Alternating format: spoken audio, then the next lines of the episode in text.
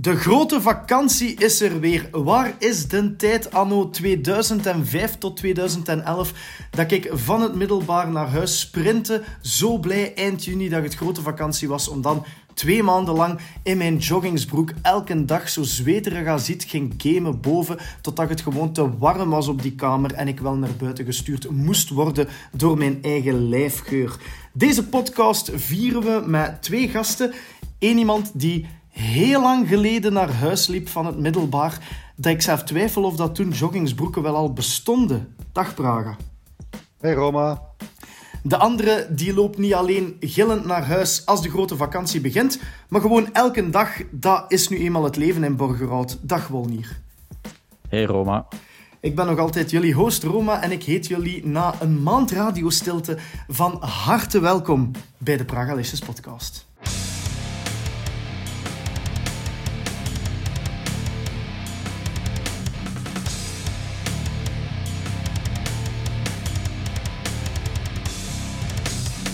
En beginnen doen wij naar goede getrouwe gewoonte met de aperitiefjes.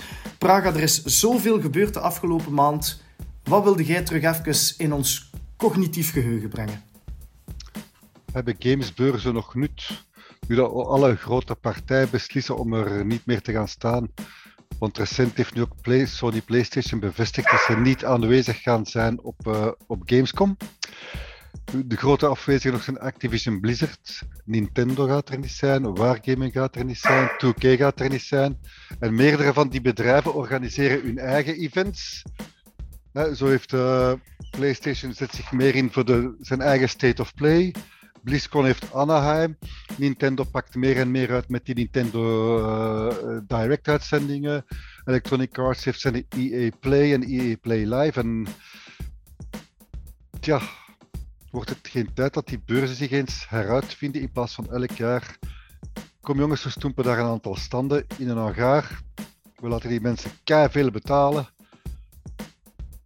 En dan komen we toch in orde, want we, de, drijven de, de, prijzen van de pensen op, de prijzen van de kool op. Ik, ik bedoel, pak nu Gamescom, uh, al jaren dat ik er ga. De eerste dag is het voor de pers, dan valt het allemaal goed mee. Een halve dag daarna ook, maar dan om 12 uur gaan die deuren op. Dan komt die massa binnengestormd. Die mensen gaan met alle respect drie, vier uur aanschuiven om, nog wat geluk, een spelletje twee minuten te kunnen spelen. Betalen zich blauw aan merch en food. En ga dan s'avonds terug naar huis. Maar ik heb altijd schrik als er in, zo, in die Gamescom-hallen in Keulen iets gebeurt, als daar brand uitbreekt. Ik heb misschien dat iedereen daar dood gaat zijn. Goh, ik denk dat er wel wat precautions zijn genomen naar de veiligheid toe. Maar ik snap je schrik wel. Evenementen zoals Gamescom, ja, dat zijn gigantische massa-evenementen die er niet kleiner op worden. Hetzelfde kunnen zeggen van Facts in Gent bijvoorbeeld.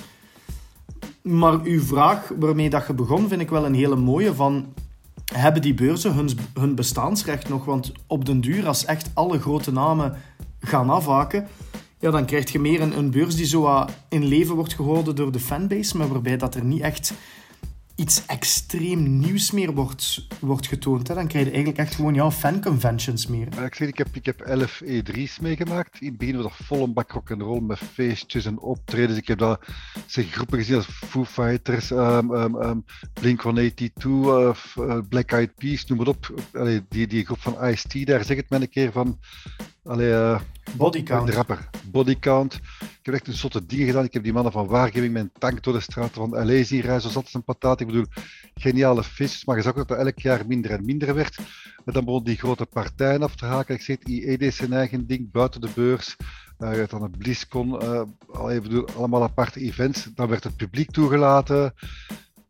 En je zag, dat is een keer een, twee jaar na elkaar in Santa Monica geweest. Dus je zag wel dat er daar wat sleet op die formule begon te komen. Maar toch hebben die mensen jaren na jaren volgehouden. Dat ik zeg van het wordt toch eens tijd om, om, om zich heruit te vinden. Qua. Zou het een oplossing zijn om voor elke grote publisher of developer die afhaakt, de prijs van een braadworst met 30 eurocent goedkoper te maken?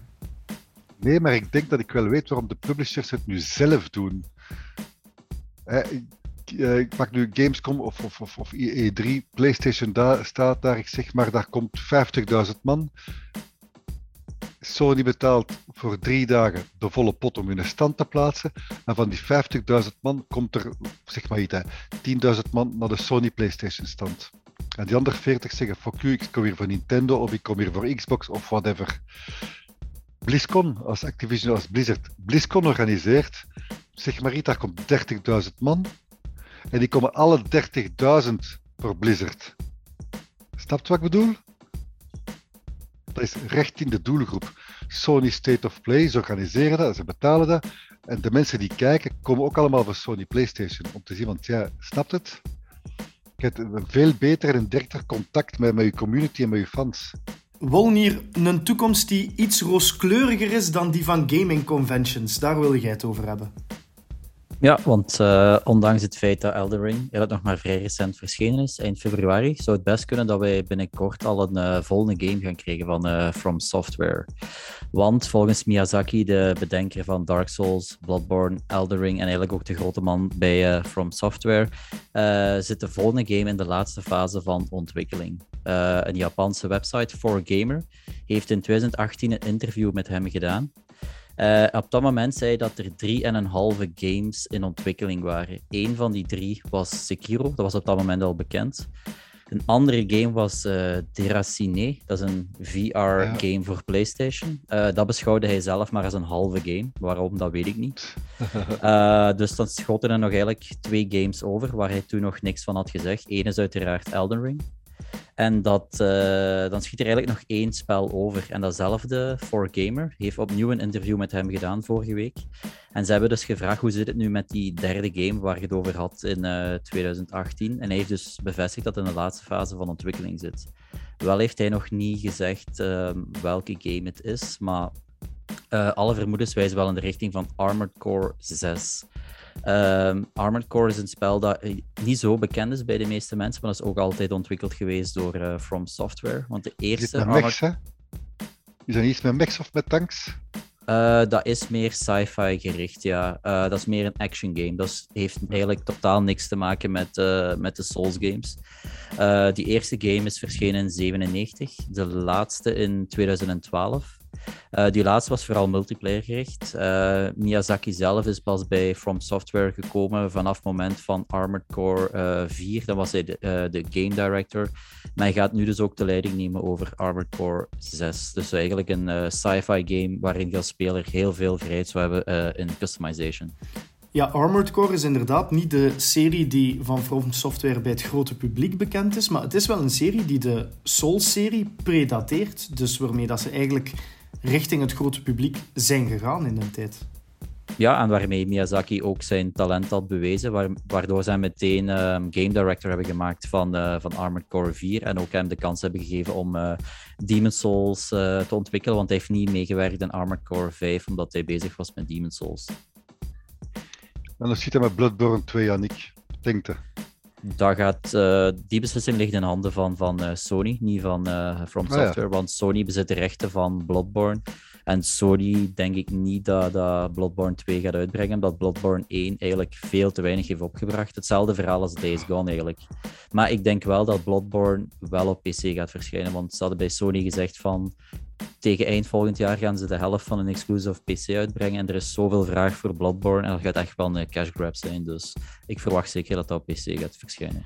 Dus eigenlijk, als al die PlayStation exclusives naar PC komen, dan dat is toch goed nieuws voor die gamers die op zoek zijn naar de PlayStation 5, want die moeten geen PlayStation 5 niet meer kopen. Die kopen zich gewoon een goede gaming PC. En... Klopt, maar je moet wel twee à drie jaar wachten na de release. Bijvoorbeeld uh, Horizon, dat is nu pas ook. Uh, of welk spel was het? Of uh, er is welk, welk spel was onlangs verschenen weer? Days Gone bijvoorbeeld. Dat was ook pas twee of drie jaar na de release op PlayStation 4. Hè. Als je dat geduld hebt, dan. Of God of War, dat is zelfs pas in januari uitgekomen. Mm. Dat is al van 2018 als God of War uitkomt nu uh, op PS5, wil ik dat wel op PS5. Ik ga daar geen drie jaar op wachten. Oei, oei, oei, oei, oei, oei, oei. Ja. Geduld is een eigenschap die niet bij veel gamers geïmplementeerd is, bij mijn eigen ook niet. Het moment waar dat ik het zelf even over wil hebben, is um, een nieuwe serie die binnenkort naar Netflix komt. Namelijk Castlevania Nocturne. Of Nocturne, mooi gezegd.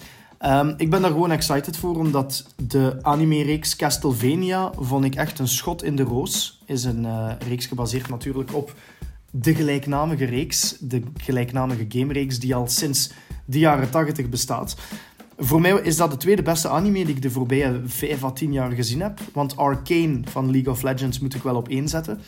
Maar Castlevania loopt daar niet veel achter voor mij. En ik ben dus heel blij dat er een nieuwe spin-off komt. Die spin-off gaat zich focussen op Richter Belmont. Een nieuw character dat de, een van de verre afstammelingen is van Trevor Belmont en zijn uh, vriendin slash vrouw Saifa uit Castlevania. En op het moment is er nog heel weinig geweten. Gewoon dat dezelfde studio die de originele reeks heeft gemaakt, nu ook Nocturne gaat maken. En daar word ik heel blij van. Ik uh, vind het een heel goede zaak dat er altijd maar meer en meer content over games zijn weg vindt naar streamingplatforms. Oké, daar zit soms ook wel kak tussen. Ik heb nu al mijn bedenkingen bij de aankomende Resident Evil reeks. Maar er zitten ook echt wel pareltjes tussen. En als dat dan weer meer gamers kan genereren die richting die games komen en onze community groter maakt, dan is dat misschien enkel voor de best. Dus League of Legends, Castlevania of One Punch Man, Dragon Ball Z, noem het op. Ik hoop dat er nog heel veel uh, anime aankomt. Het is iets waar dat ik mij nog maar een paar jaar echt uh, in verdiept heb. Maar ik vind het zeker niet erg dat dat gebeurd is. Zeg, dat, dat soort animatiereeksen kan ik nog wel zien, of CGI-reeksen. Maar ik bedoel zo van die dingen als Dragon Ball Z en Naruto en One Piece, daarvan word ik uh, hyperkinetisch. Waar ik dan wel, wel rustig van word, is van dingen van de, van de Teletubbies. Daar word ik heel rustig van. Dat, dat effect hebben de Teletubbies nooit op mij gehad. Rust. Ah ja, wel, ik word daar, dat is rustgevend, vind ik. Kunt je de teamsong van de Teletubbies volledig van buiten zingen, Praga? Wacht, uh, na, na, na. Ipsi, la la po. Maar je hebt ten eerste niet gezegd, hè? Tinky Winky, ja, voilà. Tipsy, la la po. En de rest weet ik niet. Dat is van dat gebrabbel zo. Ik weet niet of dat er een rest is. Is er een rest? Altijd even opzoeken. Ik weet niet. Want is dat iets Belgisch of Nederlandse Teletubbies? Goh. Dat is denk ik uh, Brits of zo zelfs. Dat pijs ik ook. Visie en Woppie.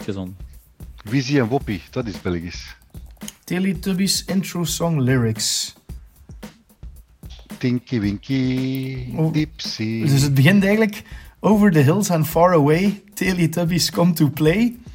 Teletubbies, time for Teletubbies. Tinky Winky, Dipsy, Lala Po. Teletubbies say hello. Oh oh. Dat, is... dat, dat zijn de lyrics. Uh oh, oké. Okay. Uh oh, voilà. dat is het einde. Uh oh. Ja. En dat van Over the Hills and Far Away, dat kende ik niet. Dat is zo, ja. Dat doet me denken aan liedje van Iron Maiden, nee. Ja, Run to the Hills, ik was er ook ja. al aan het denken. Hè. Misschien hebben, ze, misschien hebben ze een inspiratie daar gehaald. Hè. Allee, ik denk dat Iron Maiden... Nee, dat zal niet. Ik denk dat Iron Maiden de Teletubbies predateert, maar... Ik iets zeggen. Dat staat top in zijn dat. Maar die Over the Hills and Far Away is volgens mij een uh, volwassen mannenstem die dat als intro zegt. Leest, hè? Ja, en dan komt die zon of zo op en dan ja. beginnen die Teletubbies te zingen, als ik me goed herinner. Ja. Dat zal waarschijnlijk wel kloppen. Wat een bewijs is dat we alle drie de Teletubbies hebben gezien. Maar in mijn jonge tijd, dat was uh, Les animatiereeks. In die tijd waren eigenlijk veel toffer, vond ik. Dat was zo van die dingen als Kapitein Flam, Goldorak, uh, Les Chevaliers du Zodiac. Zodiac. Capitaine Flamme, tu n'es pas de notre voie lactée. Da, da, da, Dienstmededeling. Run to the Hills van Iron Maiden, oh, dat wisten we, dat is uit 1982. Ja. De eerste aflevering van de Teletubbies is uit 1997. En dus? En dus kan Iron Maiden... in de 25e verjaardag. Ah, voilà, dat, dat ging ons punt zijn. Ja.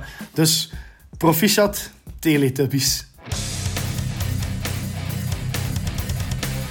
Summer Game Fest, de PlayStation State of Play, de Microsoft Showcase en nog veel meer de voorbije weken hebben we een barrage aan verse announcements, gameplay en algemene gaming porno over ons heen gekwakt gekregen.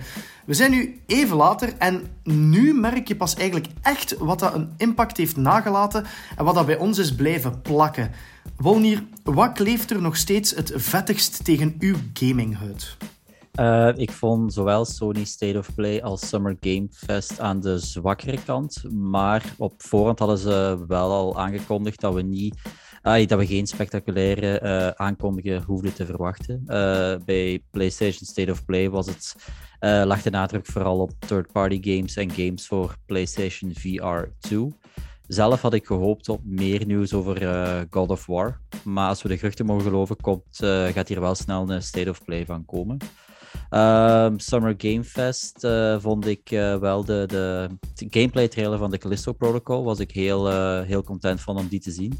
Die was ook getoond op Sony State of Play, maar dat was niet echt een gameplay trailer. Dat was meer een trailer waarbij de release date werd aangekondigd. Ik vond het wel opvallend dat The Last of Us Part 1, de remake, werd aangekondigd op Summer Game Fest. Omdat Sony meestal liever die aankondiging doet op, op een State of Play. De aankondiging van de game zelf was niet echt een verrassing, want dat gerucht hing al lang in de lucht. Um, en van Xbox en Bethesda hebben we heel veel trailers gezien van allemaal games die binnen het jaar naar Xbox komen. En praktisch ook allemaal naar Game Pass. Maar dat was wel te verwachten dat Microsoft de nadruk daarop ging leggen, op die, op die Game Pass. Uh, en daar was voor mij persoonlijk die Wolong Fallen Destiny de hoogvlieger. Uh, ik dacht even dat het Neo 3 was bij het zien van de trailer. Uh, maar het was dus een, een, nieuwe game, maar wel van hetzelfde ontwikkelaar als Nio, Team Ninja. Veel weten we nog niet echt van die game, maar uh, het heeft er wel alles schijnen dat het een Souls-like wordt. Dus dat is wel volledig mijn ding. Ik ben, uh, ik ben blij dat je ook de trailer van de Callisto Protocol vermeldt. Dat is voor mij het hoogtepunt geweest van alle gamefests en, en trailers en announcements. Um, iedereen weet dat ik een heel grote Dead Space fan ben. En ik kijk uit naar de remake, maar nu is mijn aandacht echt wel volledig geshift naar de Callisto Protocol. Want daar zie je dat dat echt de spirituele, de spirituele opvolger is van Dead Space. En ja, die gameplay trailer, die sfeer, die enemy designs, die combat, die gore.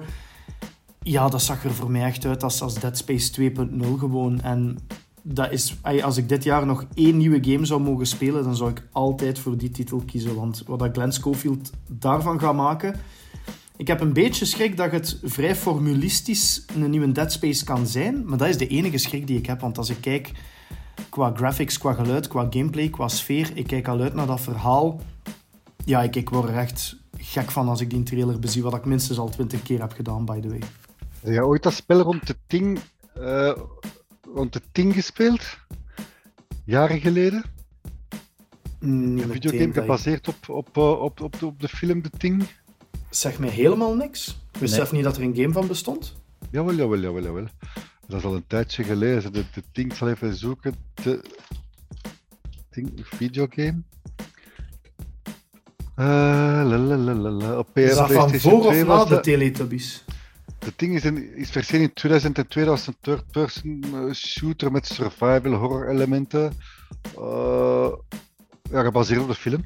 Maar een keer, als je links of rechts een keer kunt, uh, kunt, uh, moet ik zeggen, kunt aanschaffen, moet dat zeker een keer doen als je zo'n fan bent van, van dat soort games. Het is inderdaad wel een genre waar ik fan van ben. Nog iets wat ik even over de Callisto Protocol en Glenn Schofield wou vermelden, is er was dan ook een uitgebreid interview met Schofield achteraf, waarin dat hij ook zei dat hij en zijn team uh, heel veel beelden van real-life gore hebben bekeken, van echt car crashes, van lijken die uit elkaar worden gereten, heel veel, ja, gewoon gortige dingen. Dat zijn exact dezelfde interviews als in een tijd van de eerste Dead Space. Hè. Dat is bijna copy-paste de manieren die ze aan het hanteren zijn om die sfeer te creëren het, het bloederige daarachter, het, het, het levensechte. Ja, ik zeg het fanboy alert 101, maar ik denk dat er toch weinig gamers zijn die die trailer zien en daar niet gek van worden. Want zelf gamingmaten van mij, die Dead Space totaal niet gespeeld hebben, die sturen mij ook van holy shit, dat ziet er insane uit. Dat is waar, dat is waar. Maar is het, gaat het gaat voldoende verschillen van Dead Space, vraag ik me af, de, de Callisto-protocol, om, uh, of is het eigenlijk van, we maken een tomatensoepen, we maken, in plaats van met ronde balkjes maken we eentje met vierkante balkjes. Snapt wat ik wil zeggen? Ah, wel, dat is inderdaad de enige schrik die ik heb, maar eigenlijk is die schrik ook ongegrond, want is het een nieuw geheel, dan vind ik het goed. Is het Dead Space 4, dan vind ik het ook goed. De vraag is inderdaad alleen, gaan we achteraf binnen een paar jaar, als we dan zeggen de Callisto Protocol, gaan we dan zeggen, ah ja, oké, dat is die game van dit of dat of dit of dat? Of gaan we dan gewoon zeggen van, ah ja, dat is die game dat heel erg op Dead Space trekt? Ja, ja, ja, ja, dat kan. maar, de, maar de kwaliteit gaat super zijn. Maar inderdaad, ik weet niet of dat het zijn eigen eigenheid gaat hebben. Want het ziet er enorm uit als Dead Space, maar dat is ook wat dat iedereen wil, denk ik. Niet, Volnier? Uh, ja, ik heb de originele Dead Space wel 1, 2, 3 nooit gespeeld. Dus ik, ik ben zelf wel heel benieuwd. Want in december komt dan de Callisto Protocol uit. En één maand later komt de Dead Space remake uit. Dus ik denk dat ik dan wel een mening kan gaan geven van welk van die twee ik uiteindelijk het beste ga vinden. Uh, want ik denk als je de originele Dead Space hebt gespeeld, dan gaat dat misschien iets moeilijker zijn om te oordelen, omdat je dan eerder gaat zeggen, ik vergelijk Dead Space, de originele met de remake. Terwijl ik nu echt wel de Cluster Protocol ga vergelijken met, met de Dead Space remake. En op grafisch vlak denk ik dat die wel ja, aan elkaar gewaagd gaan zijn. Qua verhaal hoop ik ook wel dat ze gaan verschillen. Dat, ze, dat inderdaad niet zo hmm. het gevoel gaat hebben dat ik met Dead Space eigenlijk hetzelfde aan het spelen ben als uh, Callisto Protocol. Ja, Space Ranger komt terecht op verlaten uh, ruimtekolonie waar blijkt dat de, de bemanning is uitgeroeid door een of ander buitenaards ras. En moet ja, en ook in die trailer in die, Praga, dat is ja prachtig samengevat. Alleen heel kort door de bocht. Maar ook in die trailer van Callisto zag je ook al die stand die bezig was over... Uh, oh, the resurgence and coming back to life. En zo dat bijna religieuze, preachery gedachtegoed. Exact hetzelfde als in Dead Space 1. Hè. Daarbij krijg je dan ook te maken met een cult die uh, de aliens ziet als een soort van nieuwe religie ja, de gelijkenissen zijn echt wel... Het zou even goed een reboot kunnen zijn, als je het zo ziet. Maar ik zeg het, ik vind het niet erg. Maar ik ben wel benieuwd of dat er ook effectief punten gaan zijn waarop dat je zegt van amai, dit is iets nieuws en het werkt ook heel goed. Want... Ja, het zou tof zijn. Exact.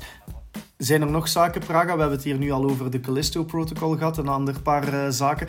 Wat is hetgene dat bij u nog eens blijven plakken van uh, alle announcements en parties en noem maar op? Om te beginnen dat ik toch wel had verwacht dat een van de, een van de drie of van de vier toch wel met een verrassende aankondiging zou gekomen zijn. Zo had ik stiekem gehoopt dat, uh, dat Microsoft toch iets zou zeggen over, de, over, over Gear 6. Want dat verhaal van Gears 5, ja, dat is toch altijd niet gedaan. Dus ik weet dat het geëindigd is. Ik kan nog geen spoilers, maar ik ben wel benieuwd hoe dat dat hij in de 6 gaat uitdraaien. Uh, verder verrassende aankondigingen. Ze hadden gezegd van kijk mannetjes, je moet er niet veel van verwachten. Het zal maar games al aangekondigd zijn. Uh, ik denk wel iets waar iedereen zo'n beetje achterover van wil, is het feit dat, dat, dat Kojima en, en, en, Microsoft Xbox de handen in elkaar gingen slagen. Al was het een dag erachter al direct in de pers. Ja, maar maak u geen zorgen, want Kojima blijft goede banden behouden met, mijn, met PlayStation, snapte. Dan ja, het feit ook bij Microsoft dat Redfall en Starfield ja, verschuiven naar volgend jaar. Dan was de vraag ook van ja, wie of wat gaat dat gaat opvullen. Nou, Forza Motorsport, daar vrees ik wat voor.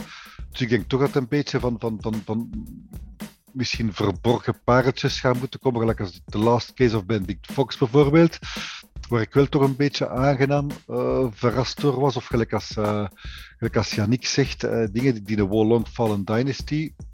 Weet je? Dat is, ja, dat is ook pas begin 23. Uh, Score, ja, dat komt ook nog uit dus, oktober. Dat denk ik wel dat een heel ja. goed spel gaat zijn. En dan, en dan Overwatch 2, dat, dat free-to-play wordt. En het goede is van wat dan met Overwatch met de eerste, als je Overwatch 2 installeert, dat is ook free-to-play. Dus die zet zich gewoon over de ene. Je blijft een deel van je credits en zo behouden, maar niet alles. Ik bedoel, dat was zo allemaal net niet, vond ik. En dat vond ik zo'n beetje voor, voor, iedereen het geval, eerlijk gezegd. Behalve natuurlijk dingen, uh, Plague Tale, Requiem, ja, ik zeg dat, dat was voor mij volgens mij de game van het najaar. Samen met Gotham Knights, dat ook wel eens nog voor een verrassing zou kunnen, zou, zou, zou kunnen zorgen. En dan, dan er nog Diablo 4, ja, volgend jaar. Uh, die 35 uur dat je in het verhaal wegzet, oké. Okay. Dingen was toch misschien Stormgate. Stormgate, een, een game van, uh, van een team samengesteld uit ex-Blizzard ontwikkelaars, namelijk Frost Giant.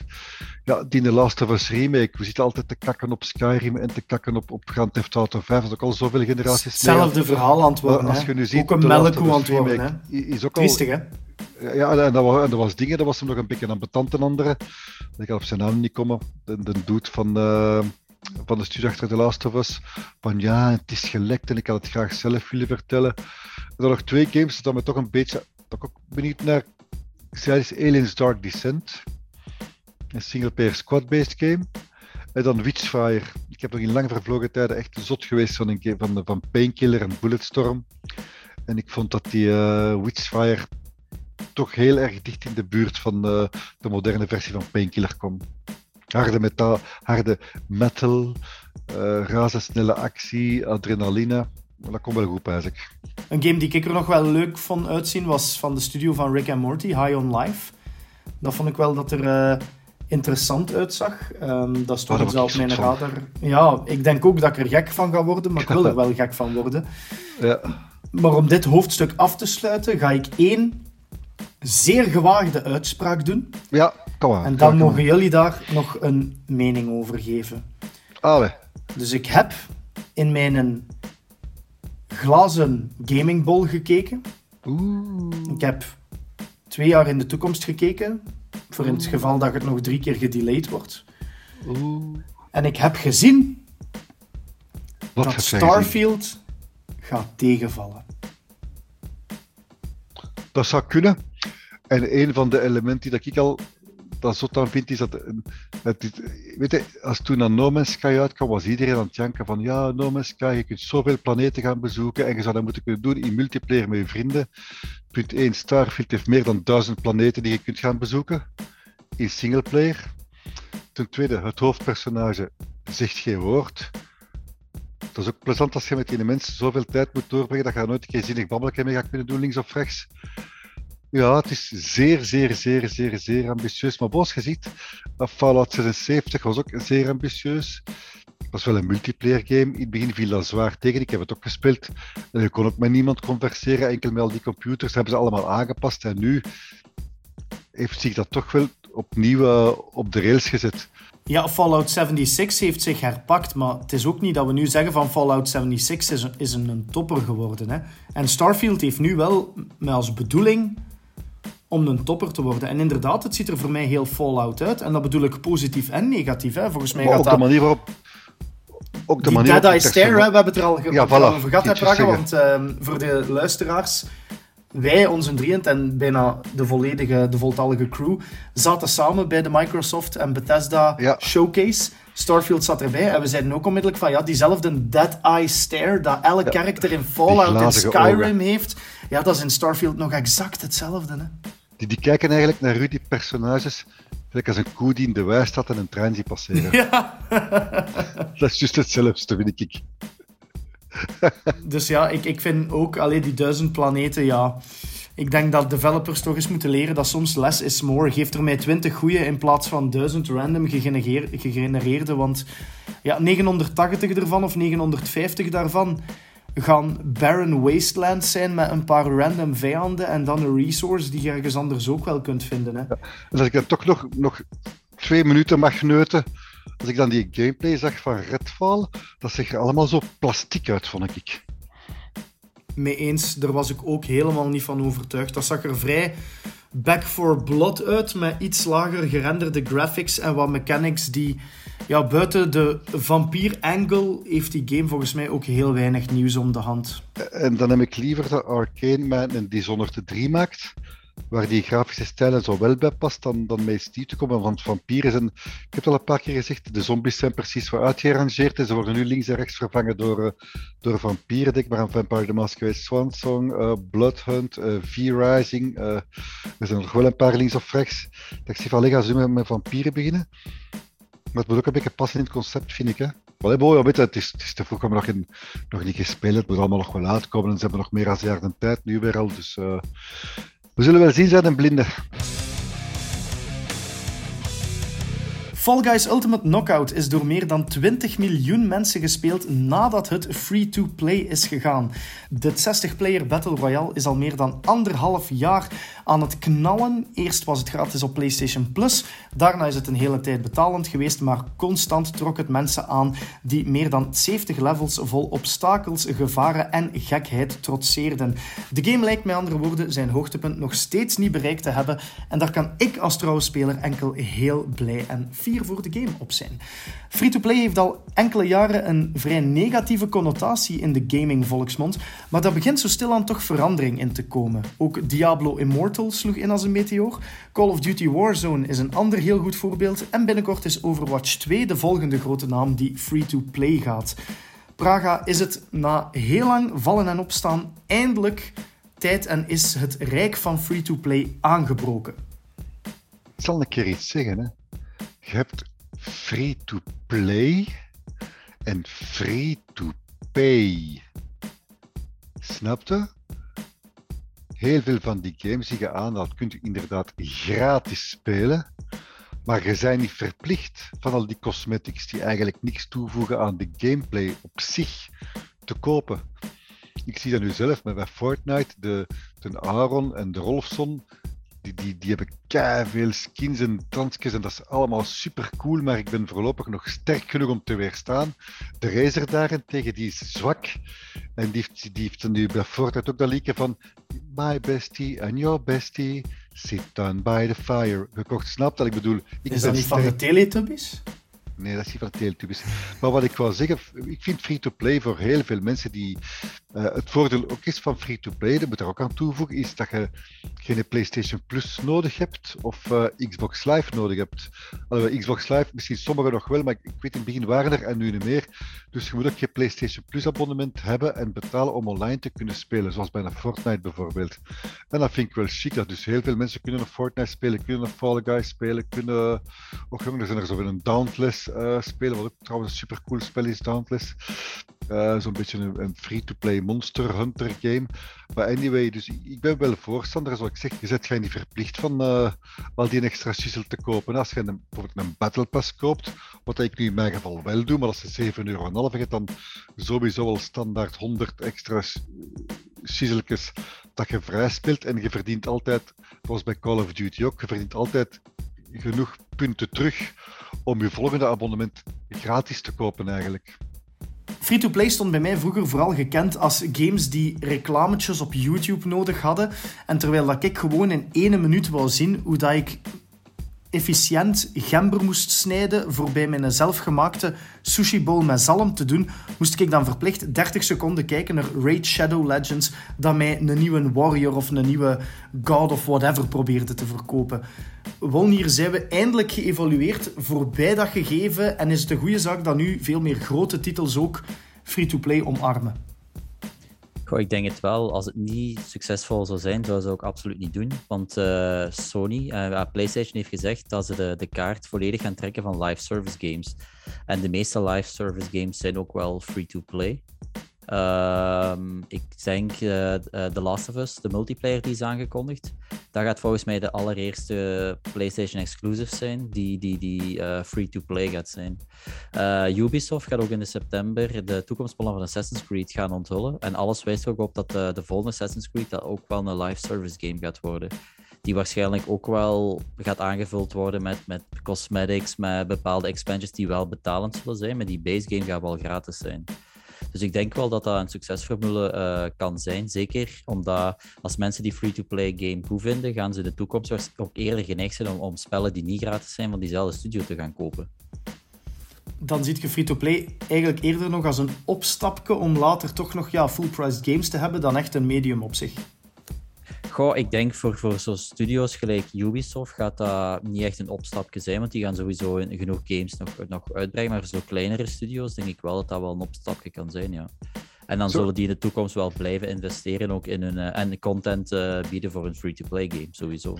Maar ik vind, ik vind wel dat, dat Skull and Bones zich daar uitstekend toe zou lenen. Hè? Je begint met je basisboot, met je basispiratenteam en basiskanonnen. En dan, dan kun je beter, betere boten kopen of mooiere boten kopen. Skins voor je piraten, kanonnen, uh, vlagjes. Dus eigenlijk als ze al een beetje doen bij, bij, Assassin's, bij, Assassin's Creed. Ik zal het gewoon zeggen Valhalla, maar andere dat het ook. Dat je al, al spelenderwijs een nieuwe, nieuwe hut kost vrij spelen, nieuwe mast, nieuwe zeilen, nieuwe drakenkop voor je boot. En dat je je boot al zo'n beetje kon pimpen ook. Hè we hebben het al gehad over het al dan niet verdwijnen van gaming conventions, gelijk dat we ze kennen.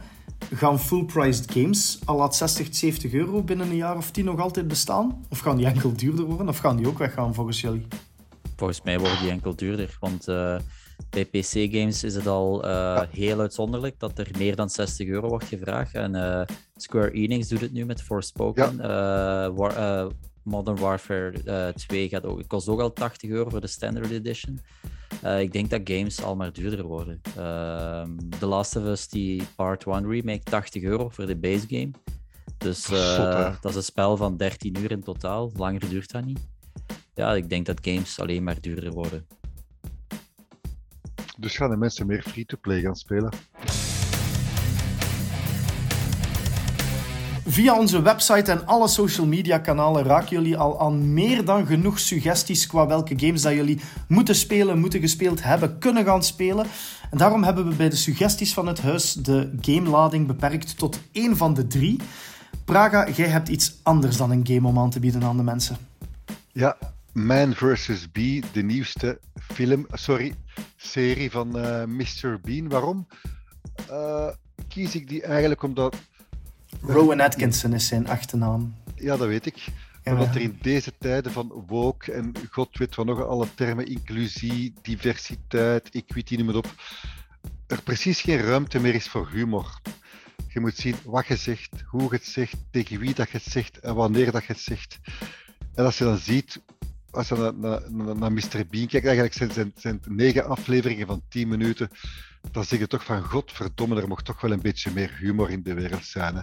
Nu kort samengevat, Mr. Bean, ja, Rowan Atkinson is gewoon zijn onhandige, knullige zelf. Krijgt de opdracht om op een, het huis van uh, twee rijke stinkers te passen. Maar nu wil het toeval dat een bij er niet beter heeft opgevonden om ook in dat huis binnen te vliegen. En Mr. Bean eigenlijk in allerlei benarde situaties brengt. En ik moet zeggen, het is, het is, typische Mr. Bean humor, niks meer, niks minder. Maar ik was toch content dat ik af en toe een keer goed kon lachen met ik op televisie zag. Dus Man vs. B op Netflix. De suggestie die ik zelf eh, even wil aanbrengen, heeft te maken met waar dat ik mij de voorbije twee weken mee heb bezig gehouden. En dat zijn festivals. Voor het eerst in drie jaar tijd uh, is de festivalzomer weer in full effect. En België is echt wel een land om heel trots op te zijn qua festivals. En twee weken geleden, drie weken tegen dat de podcast aired, was het Graspop Metal Meeting, eh, wat dat voor mij altijd vaste kost is.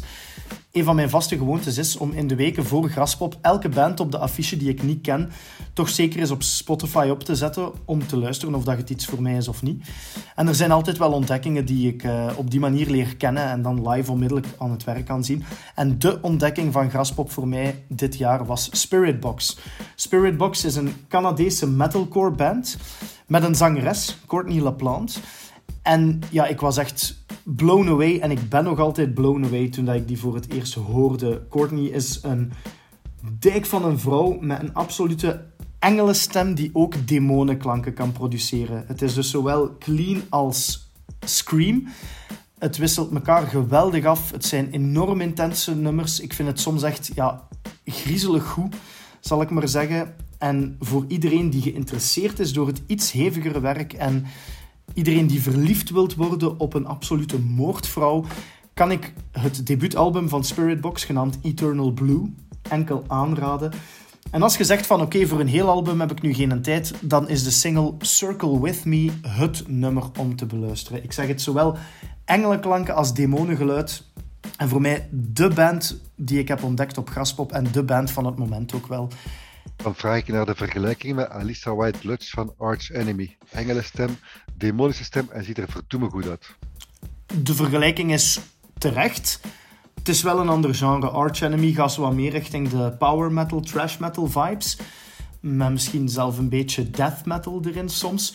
Terwijl dat Spiritbox echt meer metalcore is. Dus dat, denk aan Bring Me The Horizon, denk aan Parkway Drive. Uh, iets, iets heftiger nog wel, heviger dan dat maar meer die kanten op. Maar onze Alissa van Arch Enemy mag er natuurlijk ook wel uh, zijn en mag vooral gehoord worden, voor de duidelijkheid. En om dan toch nog een game in de mix te stoppen, Wolnier, zei jij hier gelukkig om ons te redden. Ja, uh, game die ik afgelopen weekend heb voor de eerste keer heb kunnen uitspelen is Oxide Room 104 of 104. Dat is een uh, indie horror survival game ontwikkeld door een uh, kleine Spaanse studio genaamd Wild Sphere. Het principe van het spel is eigenlijk eenvoudig. Je wordt wakker in een bad, in, in een motelkamer. Je weet niet meer hoe je daar geraakt bent. Alles is wazig, warrig. En vanaf dan is het eigenlijk de bedoeling om uit dat motel te ontsnappen. In uw kamer vind je een sleutel naar een volgende kamer. In die kamer vind je weer een sleutel naar een volgende kamer. Al die kamers zitten vol met gevaren, met wezens. Je moet proberen te ontsnappen en uit het motel te geraken. In totaal krijg je vier kansen. Na de vierde kans is het volledig game over en start je terug helemaal in het begin. Uh, het spel biedt wel voldoende variatie, want elke playthrough gaat er helemaal anders uitzien. De kamerindeling is anders, de enemies zijn anders. Uh, en we hadden het net over games van 80 euro. Wel, dit is een spel dat uit, uitgekomen is op elk platform en slechts 20 euro kost. En het heeft zelfs uh, voor PlayStation 4 en 5 een fysieke versie gekregen, dus dat is een dikke aanrader. Ja, zo'n beetje als uh, Deadloop ook, een beetje Deadloop-achtig. Nee, nee, Deadloop is veel, nee, veel ingewikkelder, vond ik. Maar ja. dit spel, toen ik het heb uitgespeeld uit het motel ben ontsnapt, dat heeft mij uiteindelijk maar 30 minuten geduurd. Maar ik heb er wel 10, 15 pogingen voor nodig gehad. Je leert telkens wel bij van, de, van uw vorige pogingen. Dus 20 euro voor 30 minuten, zeg je nu? Ja, nee, ik had het 30 minuten had ik, had ik erover gedaan om het uit te spelen. Maar ik had daarvoor wel al een, een tiental pogingen gedaan. Wat ook ah, okay, dus, okay. Uh, plus er zijn vier à vijf verschillende eindes. Omdat volgens mij hangt het ook vanaf. Uh, overleef je in de eerste keer, pas in je tweede leven, derde leven gaat het telkens uh, volgens mij een uh, ander einde hebben. Het hangt er ook vanaf welke items je meeneemt naar het einde. Wat, wat de uitkomst van het spel gaat zijn. Dus ik ben eigenlijk wel benieuwd wat de andere ehm, ja, de eindes van het spel zijn. Dus het heeft zeker een hoge replaywaarde. Dus het heeft zo wat elementen van ja, Returnal enerzijds, met altijd maar aangepaste omgevingen per keer dat je sterft. En anderzijds Sifu, omdat je ook echt met een death counter zit die niet overschreden mag worden. Ja, ergens wel. Maar het is echt wel een echte horror game wel, moet ik zeggen. Het is vrij gore. Of dat ontsnappen uit het motel zo makkelijk is, daar moeten jullie zelf achter komen. Ontsnappen van deze podcast is jullie alvast gelukt, want we zijn bij het einde aangekomen. Binnen twee weken keren wij terug met veel meer geleuter, gezever en gepraat over onze favoriete games, films, series, noem maar op. Maar in de tussentijd, zoals altijd, uh, vinden jullie al het nieuws op onze website, via onze social media, Facebook, Instagram, TikTok, noem maar op. En deze podcast, alle afleveringen, kan je beluisteren via Spotify, Apple Music en elke applicatie die weet wat een goede podcast is. Wij zien jullie heel graag terug binnen twee weken. Tot dan!